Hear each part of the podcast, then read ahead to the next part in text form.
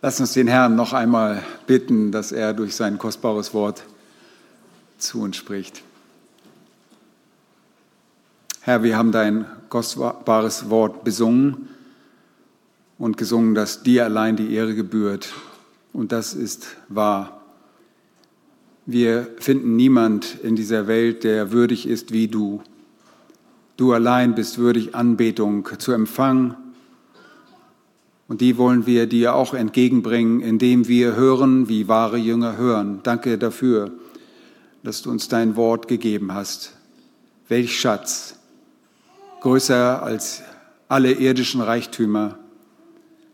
Alles, was wir hier auf dieser Welt an Gewinn machen könnten, ist dem nicht zu vergleichen, was wir in deinem Wort haben. Hab herzlich Dank dafür. Rede jetzt durch dein Wort um deines Namens willen. Amen. Lieben wir, schlagen wieder unsere Bibel bei 1. Thessalonicher Kapitel 5 auf, die Verse 12 bis 13. Und Klaus hat sogar heute angemerkt, aber das ist derselbe Text, den du schon mal gepredigt hast. Ganz richtig, jetzt kommt nur eine andere Perspektive. Gut aufgepasst, Klaus. Ähm, da geht es um die Verse 12 bis 13. Und ich möchte den Text euch kurz vorlesen.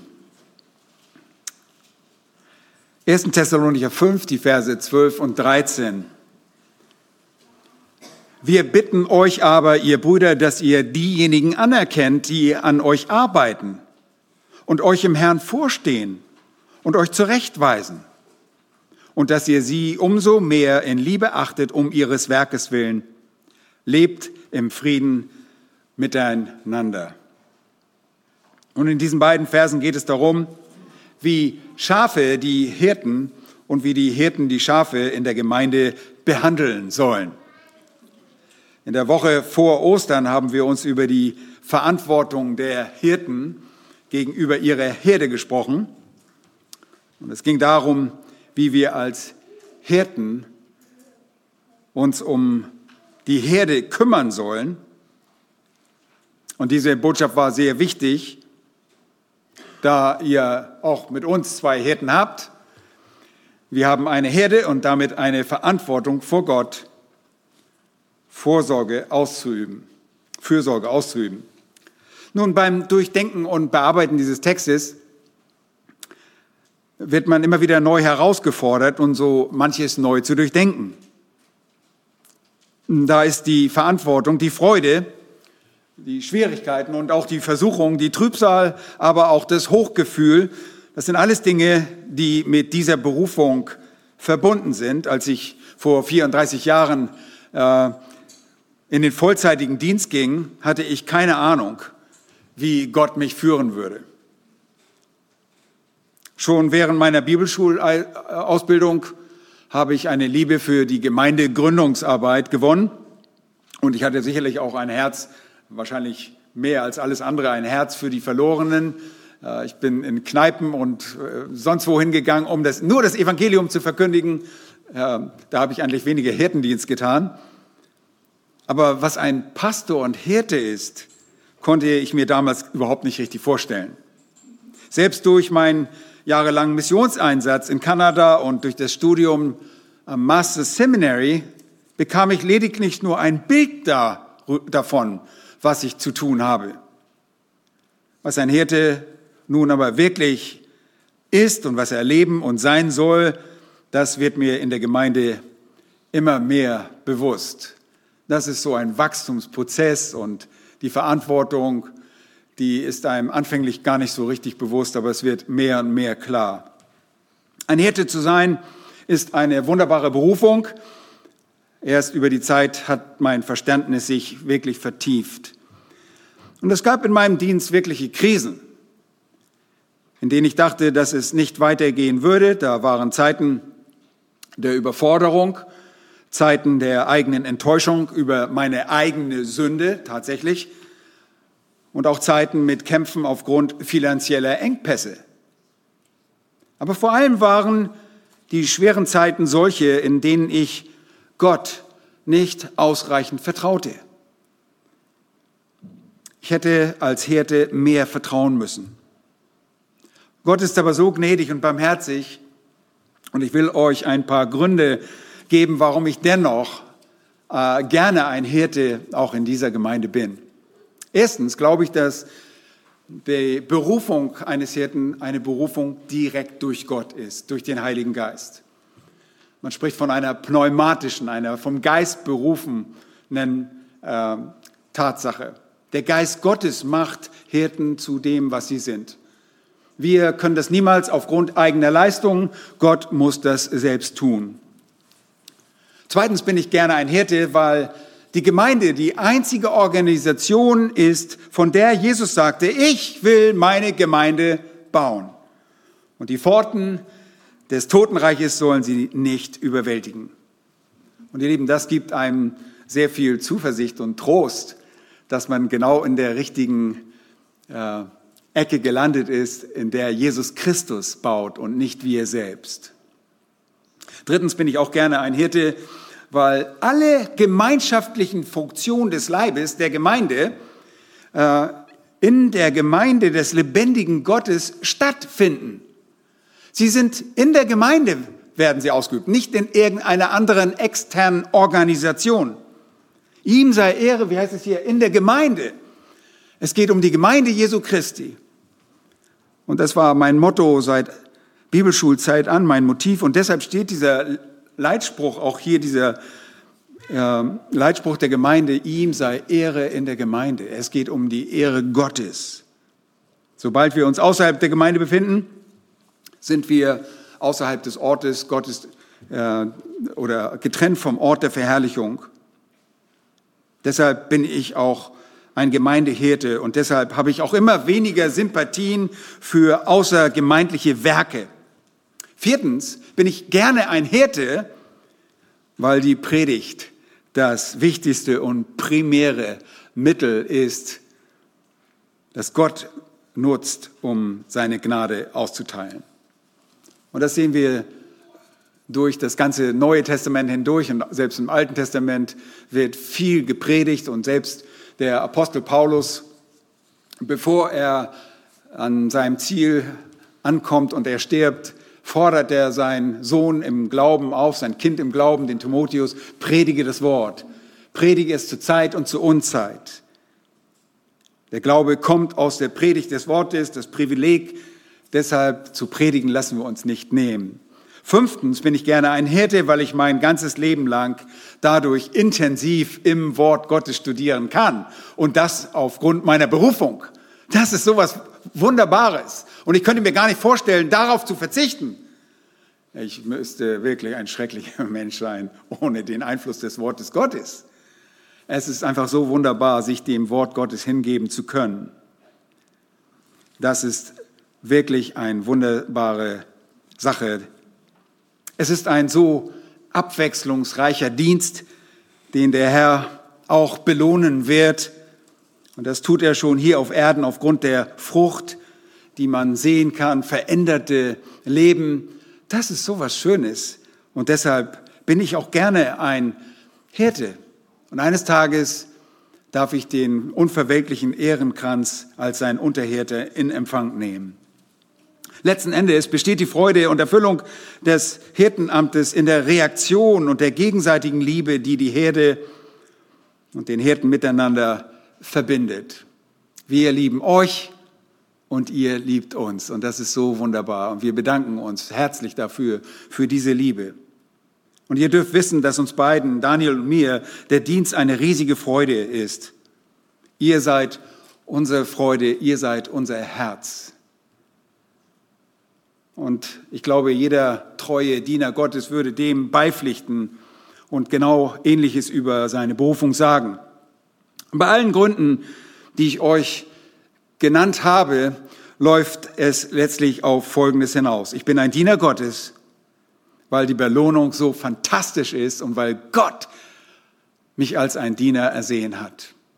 Und der Text, den ich heute predige, ist sicherlich nicht ganz einfach zu predigen für einen Prediger weil er viel von sich selbst redet und dass ihr mich lieben sollt. Also liebt mich mal noch ein bisschen mehr. Nein, aber wisst ihr was? Das sind Gottes Worte an uns. Und wir müssen alles predigen. Ich habe mir diesen Text nicht ausgesucht, speziell. Ich wusste, irgendwann kommen wir dahin. Und diese Dinge müssen gepredigt werden. Wenn Gott die Wahrheit durch uns an euch weiterleitet und ihr euren Dank durch uns an ihn weitergebt, dann ist das riesige Freude. Und ich sage euch, das ist eine Erfahrung, die wirklich nicht jeder machen kann und auch nicht an jedem Ort stattfinden wird. Aber in der Gemeinde ist es so. Nun, wir kommen, diesen Text schauen wir uns tatsächlich ein zweites Mal an, Klaus, und diesmal aus einer anderen Perspektive. Wie sollt ihr eure Hirten behandeln? Nicht wie behandeln die Hirten die Gemeinde, sondern wie sollt die Schafherde, obwohl ich auch ein Schaf bin, ihren Hirten behandeln? Ihr könnt euch vorstellen, dass es nicht gerade so einfach ist, diesen Text zu predigen. Und ich habe heute Morgen diesen Text gepredigt in der Gemeinde in Glontal über Zoom. Und äh, glaube, mein Freund äh, Johannes Fenk war auch erleichtert, dass er das nicht selber predigen musste. Und so habe ich das ihm abgenommen ein bisschen. Und äh, ja, es ist wirklich ein bisschen unangenehm. Vor Ostern ging es darum, wie die äh, Hirten ihre Herde behandeln. Jetzt also genau das Umgekehrte. Lasst uns den Text nochmals ansehen und eine ganz kurze Wiederholung, weil es schon ein paar Wochen her ist. Wir haben uns bereits mit der Verantwortung der Hirten äh, gegenüber der Herde befasst und da heißt es, dass sie unter ihren Schafen arbeiten sollen. Kopiao, also äh, bis zum Rand der Erschöpfung arbeiten sollen. Das ist eine große Herausforderung. Es ist sehr viel Arbeit, es ist sehr viel, vielschichtig. Zweitens soll, sollen die Hirten Autorität, und zwar nur Autorität im Herrn. Äh, wir haben keine Autorität in irgendeinem anderen Bereich als im, äh, Bereich als im Geistlichen, in der Gemeinde. Und diese Autorität, wir stehen euch vor, wir sollen vorausgehen, wir sollen für die Atmosphäre, für die, für die Lehre sorgen. Und das ist etwas, was wir mit Autorität tun, weil Gott uns Autorität dazu verliehen hat. Ähm, wir sind, haben eine delegierte Autorität von Gott. Und drittens sollen wir Schafe auch zurechtweisen. Und auch das ist äh, nicht immer so eine einfache Sache, aber das ist unser Auftrag. Nutiteo ist äh, eine Zurechtweisung, eine Ermahnung mit Belehrung. Ähm, ein Schimpfen oder ein Zurechtweisen auch bei Kindern macht wenig Sinn, wenn man die Kinder nicht belehrt dabei. Und so ist es auch in der Gemeinde. Wir sollen zurechtweisen mit Belehrung und das mit aller Geduld. Diese drei Dinge streben wir auch mit größtmöglicher Sorgfalt an. Den ersten Punkt unter den Schafen arbeiten, den findet ihr dort in Vers 12. Da heißt es, die an euch arbeiten. Wir müssen hart arbeiten. Und die Autorität, ja, das ist auch sehr deutlich hier, die euch vorstehen, ist auch sehr klar und das Zurechtweisen steht sogar wörtlich. Am Ende von Vers 12 sollen wir euch zurechtweisen. Nun, diese Lehre ist ganz elementar, ist ganz grundlegend. Hirten müssen deshalb fähige Lehrer sein und die Fähigkeit besitzen, das Wort der Wahrheit darzulegen und es auch verbreiten. Also das nur kurz zur Erinnerung zu dem, was unsere Verantwortung euch gegenüber ist. Und es ist noch so viel vielschichtiger, aber wenn ihr die erste Predigt nicht gehört habt, hört sie euch nochmal an. Nun, wir wenden uns jetzt der Verantwortung der Schafe gegenüber ihren Hirten zu. Und das ist genauso wichtig. Die Gemeinde Jesu muss das wissen. Das ist sogar ein Knackpunkt, ein wesentlicher Punkt. Manchmal können die Schafe den Hirten gegenüber sehr, sehr hart sein. Jemand hat einmal gesagt, wir glauben, Schafe sind knuddelige kleine Geschöpfe, weil die einzigen, mit denen wir es zu tun haben, ausgestopft sind. Und das stimmt. Wenn ihr aber euch nur ein bisschen mit Schafen auskennt, dann wisst ihr, dass sie leicht zu irritieren sind, dass sie schwach sind, dass sie hilflos sind, dass sie unorganisiert sind, dass sie dazu tendieren, herumzuirren und äh, schmutzig und äh, auch scharfe Hufen haben und Schafe können treten. Ich sag's euch, Schafe können richtig hinlangen und das tut weh. Und äh, Schafe sind also nicht diese kleinen knuddeligen Dinger. Und als der Herr Jesus von Schafen schrieb, dann schrieb er tatsächlich von Schafen und nicht von ausgestopften Tierchen. Schafe können das Leben eines Hirten richtig freudlos machen. Schafe können den Hirten erschöpfen, wenn sie die Schafe nicht auf dem Pfad ihrer Pflichten bleiben. Und das kann sehr, sehr schwer sein. Sie können das Leben trist machen, wenn sie nicht gehorsam sind. Aber hier sind jetzt drei Aspekte in diesem Text, die uns als Gemeinde gegenüber unseren Hirten auferlegt sind. Erstens, sie soll die Hirten anerkennen. Die Gemeinde erkennt ihre Hirten an oder sie erkennt die Hirten an. Vers 12, nochmals. Wir bitten euch aber, ihr Brüder, und es wird eine Bitte ausgesprochen, eine dringliche äh, Bitte, aber mit Gefühl und mit Zuversicht, denn er adressiert sie als Brüder, Glaubensbrüder, dass ihr diejenigen anerkennt. Da geht es um Anerkennung. Und das griechische Wort für anerkennen ist oida und bedeutet zu kennen. Das Wort wird im Neuen Testament immer wieder verwendet mit kennen. Es ist die Art und Weise oder die Kenntnis durch die Erfahrung, die durch Erfahrung entsteht. Etwas kennengelernt haben, etwas erfahren haben oder Kenntnis durch Erfahrung erlangen. Und hier ist der Gedanke einer gründlichen Kenntnis enthalten, die Respekt und Wertschätzung beinhaltet. Es ist ein Kennen und Schätzen, was auch der Zusammenhang ähm, impliziert. Die beste Übersetzung an dieser Stelle wäre wahrscheinlich wertschätzen. Wertschätzen. Es geht um Wertschätzung, dass ihr diejenigen wertschätzt, die an euch arbeiten und sie respektiert. Und das bedeutet nicht, dass ihr ihren Namen kennt und sie immer mit Herr Borchmann oder Herr Pastor ansprecht. Darum geht es gar nicht. Es bedeutet nicht, dass ihr wisst, wo sie leben und was für ein äh, Schuhgröße sie haben oder was für ein Auto sie fahren und was sie gerne essen. Darauf kommt es überhaupt nicht an. Das sind Nebensächlichkeiten. Es bedeutet, dass ihr eine innige und enge, enge persönliche Beziehung habt, die zur Wertschätzung führt. Nun, ihr kennt sie gut genug, wenn ihr hört, was in ihrem Herzen ist. Und das Wort kennen das wird manchmal als ein sehr intimer Begriff in der Schrift benutzt und beschreibt eine äh, sehr enge Beziehung zwischen einem Mann und einer Frau. Und ich greife nur auf Adam erkannte Eva und sie gebar ihm einen Sohn. Das ist eine intime Beziehung. Und diese intime Beziehung, diese Art und Weise ist gemeint damit, dass wir die Hirten kennen. Es ist das Empfinden, jemand zu kennen und den Wert seiner, dieser Person zu kennen. Aber hört bitte genau hin. Wer uns predigen hört, wer uns lehren hört, der kennt unsere Herzen. Es sei denn, sind, wir sind irgendwelche Phonis, äh, wie sagt man, irgendwelche Scharlatane. Wir sind irgendwie da hergelaufen und äh, sind morgen wieder weg. Äh, das gibt es auch. Äh, das kann man normalerweise sehr schnell entdecken, wenn jemand das nicht ernst meint. Aber wenn ihr uns predigen und lehren hört, dann wisst ihr, was in unseren Herzen sind, ist. Und ihr Leben, so kennen wir oftmals Prediger, auch wenn wir selbst keinen persönlichen Kontakt mit ihnen haben. Bei uns in der Gemeinde ist natürlich anders. In kleinen Gemeinden können wir uns auch persönlich kennenlernen. Aber es gibt auch größere Gemeinden, wo man sagen kann, ja, ich komme ja nie an den Pastor ran. Aber du kennst sein Herz, wenn du weißt, was er verkündigt oder lehrt. Nun, die Thessalonicher waren keine große Gemeinde, sie kannten einander.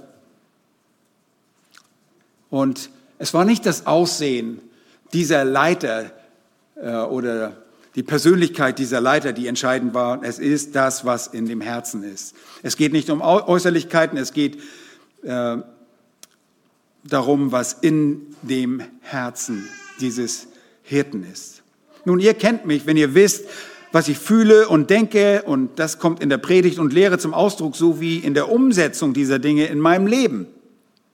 Ihr kennt mich, wenn ihr wisst, was bei mir von Herzen kommt.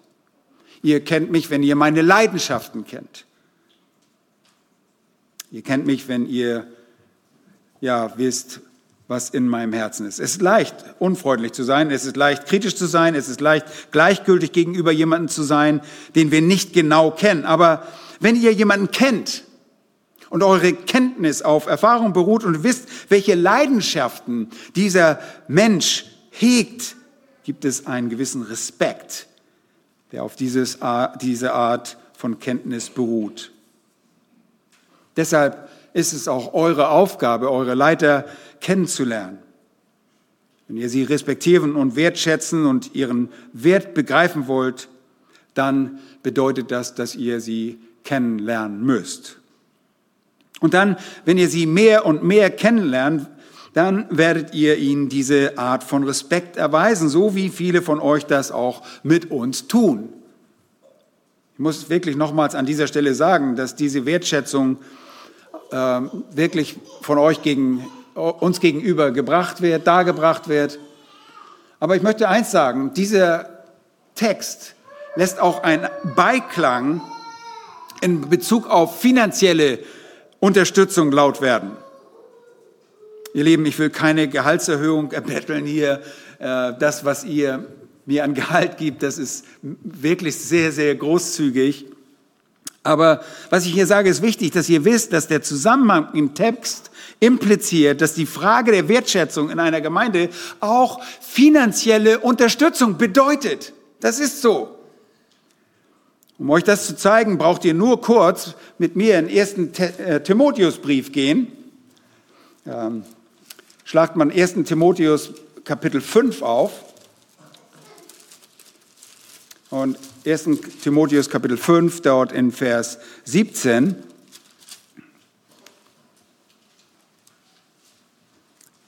Und zwar da, wo steht, die Ältesten, die gut vorstehen, das heißt, die das besonders gut tun, nämlich im Wort arbeiten, sollen doppelter Ehre wert geachtet werden, besonders die, welche im Wort und in der Lehre arbeiten. Nun, gemäß dieser Stelle sollen Älteste, die gut vorstehen, äh, verdiente Ehre erlangen. Dann sagst du, boah, ich mal, das kann nicht sein. Wir haben gerade Soli Deo Gloria genommen. Ehre sei Gott allein, haben wir gerade gesungen. Nun, ihr könnt Gott ehren, indem ihr tut, was Gott sagt. Ehre dem Ehre gebührt. Äh, schaut es mal in Römer 13, Vers 7 äh, nach. Ehre, wem die Ehre gebührt. Es gibt eine gewisse Art von Ehre, die auch Menschen gebührt. Und damit ehren wir letztlich auch unseren Gott, denn er hat das so eingesetzt. Nun, gemäß dieser Stelle sollen Älteste, die gut vorstehen, verdienten äh, Ehre, verdiente Ehre erlangen. Ihr werdet verlangt nach doppelter Ehre. Nun, was bedeutet das? Im Allgemeinen kann das Respekt bedeuten, also ein hohes Ansehen. Aber der Kontext zeigt hier, dass auch der Lohn dazu gehört. Ist tatsächlich so. In den vorangehenden Versen, schaut einmal in 1. Timotheus 5, da in den vorangehenden Versen ab Vers 3 bis einschließlich Vers 16 hatte Paulus sich der Unterstützung von Witwen zugewandt. Nun wechselt er zur Unterstützung von Dienern Gottes, den Hirten. Und er sagt, wie sie gut vorstellen und wenn sie gut vorstehen, das heißt, am Wort arbeiten seien sie doppelter Ehre wert. Und dieses Konzept wird auch an anderen Stellen des Neuen Testaments so unterstützt. Paulus sagt hier, zollt ihnen Respekt, entlohnt sie und all das doppelt, zweimal doppelte Ehre, doppelter Respekt und großzügiger Lohn. Ihr versteht jetzt, warum ich sage, ich äh, bettel nicht um eine Gehaltserhöhung. Darum geht es hier nicht. Warum soll man das tun? Weil ihr die Ältesten belohnt, die euch gut vorstellen und sie fleißige, treue Hirten sind. Sie sind würdig, sie verdienen es. Und ihre Liebe, ihr Lieben, ich erhalte diesen Respekt von euch. Und ich danke dem Herrn, dass ihr diese Hingabe auch diesbezüglich habt. Am Ende des Verses lesen wir dann noch, besonders die, welche im Wort und der Lehre arbeiten. Nun vertraut denjenigen, die im Wort Gottes arbeiten und gebt ihnen den rechtmäßigen Lohn. Erweist ihnen Ehre und dann auch auf materielle Art und Weise. Hier gehen mehrere Gedanken ineinander über. Älteste verdienen Ehre, Älteste verdienen Ehre und Vergütung. Fleißig arbeitende Älteste verdienen doppelte Ehre, besonders die am Wort arbeiten. Äh, manchmal in einer großen Ältestenschaft sind nicht alle äh, der Arbeit am Wort freigestellt worden. Ich bin freigestellt worden für diesen Dienst, speziell für diesen Dienst. Nicht jeder Älteste arbeitet ständig aktiv in der Erarbeitung des Wortes. Und das bedeutet, jeder treue Hirte soll geschätzt und er soll respektiert werden. Versteht ihr jetzt, warum das schwierig da ist, darüber zu reden? Nun, äh, ich habe keine Skrupel dabei und ich habe kein Problem darüber zu sprechen, weil das Gottes Wort so ist, Gottes Vorsehung so ist. Und es kommt auch in einem sehr einfachen Vers zum Ausdruck. Bitte öffnet mal eure Bibeln in 1. Korinther 9. Das, das fasst das einfach sehr gut zusammen. 1. Korinther 9 und dort in Vers 14. Ja, ich bin in 10. Ja, da heißt es, so hat auch der Herr angeordnet, dass die, welche das Evangelium verkündigen, vom Evangelium leben sollen. Diejenigen, die das Evangelium in Vollzeit verkündigen sollen, auch davon leben können. An anderer Stelle wird auch gesagt, der, der Ochse ist seines, oder du sollst dem Ochsen, der da drischt, nicht das Maul verbinden. Ja, wir sind gewissermaßen, die Ältesten sind eure Ochsen, die Ochsen der Gemeinde. Ja, wir arbeiten und wir dürfen uns von dem, beim Dreschen dürfen wir uns ernähren. Aber zurück zum Text in 1. Thessalonicher, Kapitel 5. Die erste Sache, die eine Gemeinde ihren Leitern, den Ältesten, erweisen soll, ist die Art von Respekt, die Fürsorge durch Entlohnung beinhaltet. Nun, die Lohnfrage bezieht sich natürlich auf eine selbstständige und finanziell unabhängige Gemeinde. Und ihr könnt euch vorstellen, ähm, dass das äh, zum Beispiel in der Gemeinde in Glontal in Bayern, diese kleine Gemeinde, dass es nicht möglich ist, jemanden vollzeitig freizustellen. Und wir als Bibelgemeinde Berlin sind aufgrund der, einer zweiten Gemeindegründungsarbeit wieder gewissermaßen in einer Gründungsphase. Ja, wir sind wieder ein bisschen kleiner geworden und äh, trotzdem äh, habt ihr mich auch freigestellt. Das Ziel ist, einen Hirten dauerhaft zu unterstützen und nach Größe und Diensten sogar noch einen zweiten dazuzunehmen. Das macht ihr auch schon teilweise mit Daniel. Nun, bis zu der Zeit, wo ich angestellt wurde, das, so ein Teilziel haben wir erreicht in 2019, äh, als ich in der Gemeinde angestellt wurde, bis dahin war ich Missionar. Paulus hat gesagt, ich habe andere Gemeinden beraubt, sozusagen, so hat er das ausgedrückt. Andere Gemeinden haben dafür bezahlt, dass wir den Dienst als Missionar tun konnten. Oder Missionare werden äh, durch ihre eigenen Arbeiten, durch dieses Zeltmacherprinzip, so wie Daniel das auch äh, lange Zeit jetzt auch macht, er arbeitet und ist in der Gemeinde. Das ist das sogenannte Zeltmacherprinzip, wie Paulus es auch in vielen Gemeinden so gehandhabt hat. Worin besteht die Verantwortung der Gemeinde? Nun, in Respekt, in Ehre, in Wertschätzung. Zweitens, die Gemeinde achtet die Hirten in Liebe. Und das baut wirklich auf diesen ersten Punkt auf und ist nur noch eine Erweiterung. Achtet mal auf Vers 13, da heißt es, dass ihr sie umso mehr in Liebe achtet, um ihres Werkes willen. Nun, das ist dem ersten Aspekt, diesem ersten Gesichtspunkt sehr ähnlich. Es gibt keinen sehr großen Unterschied. Achten ist Hege Omai und bedeutet etwas zu erachten, betrachten oder zu bedenken. Es bedeutet ein wenig weiter zu gehen als der in der ersten Verpflichtung. Warum? Weil es dazu auffordert, die Hirten mit Hochachtung zu lieben. mit Hochachtung. Wisst ihr, was das im Griechischen ausdrückt? Da steht über die Maßen. Über die Maßen. Oder die Elberfelder sagt es, dass ihr sie ganz besonders in Liebe achtet. Und das Schlüsselwort dabei ist in Liebe.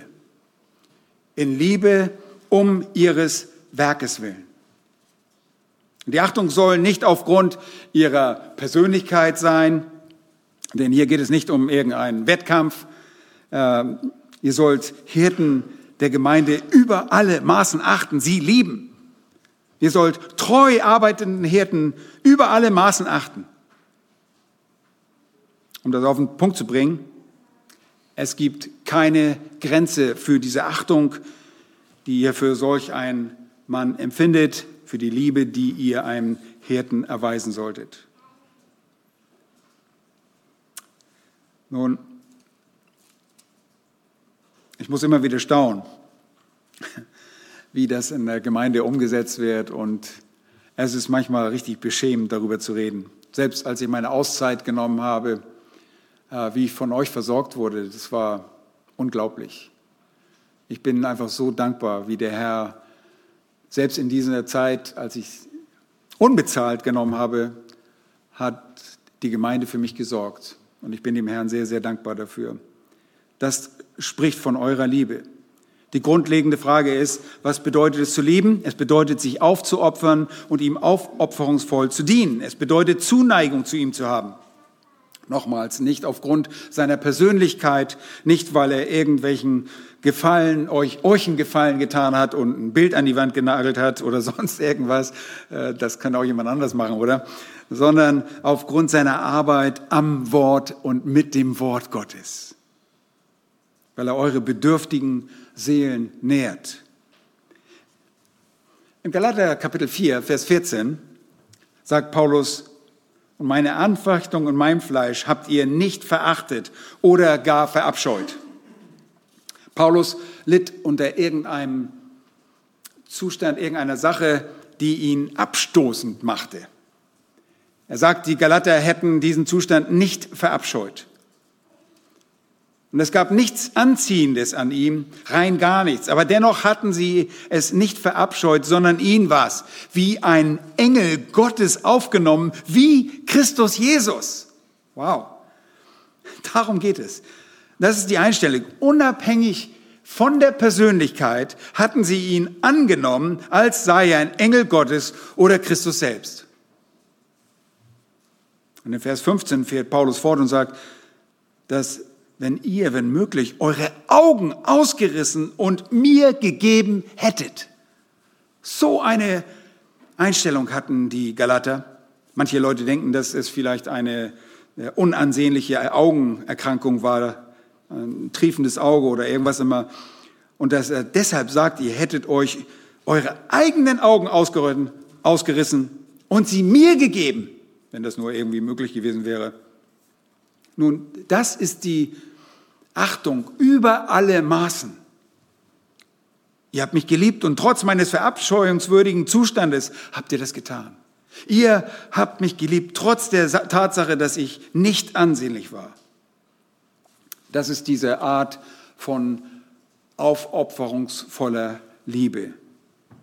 Nun, im Galaterbrief werden wir daran erinnert, dass Paulus beim Schreiben dieses Briefes eigentlich sagt, so war es einst. So war es bei euch einst. Aber was ist geschehen? Dass sich dies bei euch geändert hat. Er schreibt mit gebrochenem Herzen und fragt, was ist geschehen, dass sich dieses geändert hat? Die Gemeindeschafe sollen ihre Hirten also wertschätzen. Mehr als das, sie sollen diejenigen, die sie als ihre Hirten kennen, nicht nur respektieren und entlohnen, sie sollen darüber hinaus die Hirten über alle Maßen lieben, bis an den Punkt, wo sie persönliche Opfer bringen. Warum? Nicht aufgrund der Persönlichkeit. Ich sage es nochmal, es ist niemals aufgrund einer Persönlichkeit der Hirten, sondern aufgrund ihrer Arbeit. Hirten werden von Gott selbst berufen, Sie werden für besondere Arbeit auserkoren und die Herde soll sie wertschätzen und diese Arbeit, zu der sie berufen sind, in Liebe anerkennen. Hört einmal genau hin, was Jesus sagte im Johannesevangelium, dort in Kapitel 13 und Vers 20. Da sagt er, wahrlich, wahrlich, ich sage euch, wer den annimmt, den ich senden werde, der nimmt mich auf. Wer aber mich aufnimmt, der nimmt den auf, der mich gesandt hat. Konntet ihr folgen? Ich sage es nochmal. Wahrlich, ich sage euch, wer den aufnimmt, den ich senden werde, nun, Jesus hat seine Jünger gesandt, er sendet Hirten, der nimmt auch den auf, der mich gesandt hat. Oder wer ihn aufnimmt, der nimmt Christus auf. Wenn ihr also die Hirten aufnehmt, nehmt ihr den obersten Hirten auf, der diese gesandt hat und Ihr nehmt Gott auf, der den obersten Hirten in seiner Liebe sandte. Erinnert euch, dass Jesus sagte, so wie der Vater mich sandte, so sende ich euch. Ihr Lieben, die meisten von euch achten uns so als Hirten. Und eure Achtung kennt keine Grenzen. Wir sind sehr dankbar dafür. Und das ist wirklich ein Grund, warum ich so gerne ein Hirte bin in dieser Gemeinde. Egal wie hoch eure Wertschätzung derzeit ist, was würde Paulus sagen in Bezug auf die Liebe? Steigert sie noch. Und nochmals, das sage ich mir auch. Ich muss immer mehr. Wir müssen alle an der Liebe mehr arbeiten, dass wir einander mehr lieben. Das ist der, der Grundtenor im ersten Thessalonicher. Ihr macht das schon gut, aber macht es noch mehr. Macht es noch weiter. Eine Gemeinde soll ihre Hirte wegen ihrer Arbeit lieben, ihres Werkes. Und wer das nicht tut, widersetzt sich diesen direkten Worten der Schrift. Diese Liebe unter euch bedeutet, ihr strebt nach dem Besten für eure Hirten, ihr überseht ihre Schwächen und Fehltritte in einem biblischen Sinne. Wir gucken nicht über die Sünden weg und sagen, oh ja, da haben wir nicht gesehen, der sündigt ja nicht. Nein, die Liebe deckt der Sündenmenge in einem gewissen Sinne, wo ich sage, oh, das ist eine Schwäche, der arbeitet daran, ich weiß darum, ich kann dich nicht jedes Mal ermahnen. Die Fehltritte und vor allen Dingen diese Liebe bedeutet, ihr vergebt ihnen, wenn sie ihre Sünden bekennen. Denn ihr wisst, wir sind auch nur Menschen, wir sind auch Fehler und ähm, äh, nicht Fehler, sündig vor dem Herrn. Wir werden auch sündig, wir müssen uns auch immer wieder reinigen. Und diese Liebe bedeutet, ihr vergebt ihnen. Diese Liebe bedeutet, ihr sprecht gut von ihnen. Diese Liebe bedeutet, ihr ermutigt sie und ihr betet für sie. Diese Liebe bedeutet, ihr erkennt sie an von Gott berufene Männer, die euch die Wahrheit gebracht haben. Drittens, drittens ordnet sich die Gemeinde den Hirten um des Friedens willen unter. Sie ordnet sich den Hirten um des Friedens willen unter. Unser Missionsteam fordert dort in Vers 13 folgendes. Sie sagen, lebt im Frieden miteinander. Und ihr Lieben, das in diesem Zusammenhang ist die Unterordnung unter die Hirten. Es gibt nichts, was mehr bekümmert, mehr ablenkt, mehr Schwierigkeiten, mehr Schmerzen verursacht, als Zwietracht in der Gemeinde. Und das friedliche Zusammenleben ihr Lieben, ist im Neuen Testament eine häufig auftretende Ermahnung. Und wir kennen das, weil das im ganzen Neuen Testament immer wieder vorkommt. Ihr könnt es mitschreiben, wenn ihr wollt, in Römer 14, Vers 19, 2. Korinther 13, Vers 11, Epheser 4, 3 und Kolosser 3, 15, als auch Jakobus 3, Vers 18. Es geht immer wieder darum, es geht um Frieden. Das Neue Testament ruft immer wieder zum Frieden auf. Aber hier ist es sehr spezifisch. Hier erscheint es im Zusammenhang der Beziehung zwischen den Schafen und ihren Hirten. Sie soll friedlich sein. Ordnet euch euren Hirten unter, damit es dabei bleibt. Darum geht es. Ordnet euch unter, kein Unfriede, räumt Konflikte aus dem Weg. Und das setzt natürlich unsere Treue als Hirten auch voraus. Und wenn ein Mann sich auf die Stärke des Geistes Gottes verlässt und treu sein Bestes tut, sollt ihr euch ihm unterordnen. Und wir kennen das auch aus anderen Bereichen. Äh, man kann immer sagen, als dem Herrn, so wie auch eine Ehefrau sich ihrem Mann in welchen Dingen unterordnet? In allem als dem Herrn. Und hier ist es nicht anders. Das ist das Gebot der Schrift. Geht bitte mit mir zu Hebräer Kapitel 13. Ich weiß, diese Texte werden auch ungern von Predigern so verkündigt, aber wir müssen diesen ganzen Ratschluss verkündigen, besonders wenn wir an solchen Texten sind. Dort in Hebräer 13 und Vers 7, dort Kapitel 13, gibt es drei Verse, die an die Gemeinde gerichtet sind und die sich auch damit befassen, wie diese ihre Hirten behandeln sollen. Vers 7, da lesen wir, gedenkt an eure Führer. Eure Führer, denkt an sie. Wer sind sie? Die euch das Wort Gottes gesagt haben. Und Das Gedenken in diesem Fall ist ein Akt der Liebe. Es ist ein warmherziges Gedenken. Denkt daran, dass sie euch das Wort gesagt haben und schaut das Ende ihres Wandels an und ahmt ihren Glauben nach. Sie sprachen durch das Wort zu euch und jetzt schaut das Ende ihres Wandels an, wie Gott ihr Leben gesegnet und wie Gott sie gebraucht hat. Ahmt ihren Glauben nach und bedenkt, Jesus ist derselbe, Vers 8, gestern, heute und auch in Ewigkeit. Nun, er wird euren Gehorsam auf die gleiche Weise behandeln, wie er es mit ihnen tat. Und wagt es nicht, euch von vielfältigen und fremden Lehren um, herumtreiben zu lassen. Vers 9.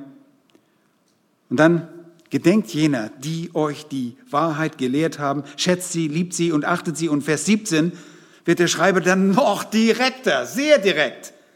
Zuvor sagt er, gedenkt ihre mit dankbarem Herzen und dann sagt er, gehorcht euren Führern und fügt euch ihnen. Wow, oh, ich weiß, da, da, mag man gar nicht mehr drüber reden. Heute gehorchen, also Gehorsam, der blanke Gehorsam, das können wir ja nun gar nicht sagen. Hier steht es deutlich, gehorcht euren Führern und fügt euch ihnen. Nun, ihr fragt euch vielleicht, nun, was ist aber, wenn sie vielleicht im Unrecht sind? Dann gehorcht ihr ihnen dennoch und ordnet euch ihnen trotzdem unter. Sie müssen Rechenschaft für die Dinge abgeben. Wir geben die Rechenschaft dafür ab, was in der Gemeinde geschieht. Ich habe gesagt, wenn es Dinge gibt, die vielleicht im Unrecht sind, nicht wenn es um Sünde geht. Okay, wir müssen ganz klar unterscheiden. Denkt niemals, dass ihre, ähm, ihr eure eigenen Gemeindehirten in der Gemeinde umgehen könnt. Das geht nicht. Wir müssen Rechenschaft ablegen. Und das sagt der Text sehr deutlich. Solange wir euch nicht auffordern, etwas Unbiblisches oder etwas Schriftwidriges, etwas Gottloses oder Sündhaftes zu tun, sollt ihr sogar gehorsam sein. Oh, Wirklich? Meinst du das? Ah, dann gehe ich vielleicht doch in eine andere Gemeinde. Das ist das, was Wort Gottes sagt. Und das klingt in unserer Kultur sehr befremdlich, ist aber die Anweisung Gottes. Wir Hirten haben eine sehr ernüchternde Aufgabe, denn wir legen dafür Rechenschaft ab. Das hängt mir immer im Genick. Mir ist es immer bewusst, dass für das, was ich in der Gemeinde mache, werde ich eines Tages vor dem Schöpfer dieser Welt stehen. Und ich muss dafür Rechenschaft abgeben, nicht ihr. Ihr gebt für andere Sachen Rechenschaft ab. Aber für die Dinge in der Gemeinde geben wir als Leiter der Gemeinde Rechenschaft. Das ist eine sehr respekteinflößende Aussage für jeden Hirten. Wir haben diese wirklich diese ernüchternde Aufgabe, Rechenschaft vor Gott abzulegen. Und es ist schwer genug, damit zu leben. Wir leben ständig mit diesem Bewusstsein. Wir sind Gott gegenüber rechenschaftspflichtig für den Zustand unserer Schafe. Als Hirte bin ich Gott gegenüber rechenschaftspflichtig für die Entscheidung, die ich treffe. Preis den Herrn, das hängt nicht nur an einer Person. Wir teilen uns diese Last. Als Älteste sind wir gegenüber rechenschaftspflichtig für unsere gemeinsame Entscheidung, die wir nach Weisheit des Heiligen Geistes anstreben. Und glaubt uns das, wir machen das uns nicht leicht. Und wir haben uns sicherlich auch schon geehrt. Der Herr ist gnädig. Er korrigiert auch uns. Und aus diesem Grund tun wir nie etwas, wenn wir uns als Älteste nicht einig sind. Wir sagen nicht, oh, Daniel ist ja jünger als ich, Borchmann hat das sagen. Dorian, du darfst es entscheiden. Nein, wir entscheiden immer zusammen. Und das Prinzip habe ich damals Grace Church äh, gelernt. Damals gab es 32 Älteste und sie haben nur eine Entscheidung getroffen, wenn alle einer Meinung waren. Wenn nur einer dagegen war, dann wurde die Entscheidung nicht getroffen. Das ist die Einmütigkeit des Geistes, denn wir müssen schließlich dafür Rechenschaft ablegen.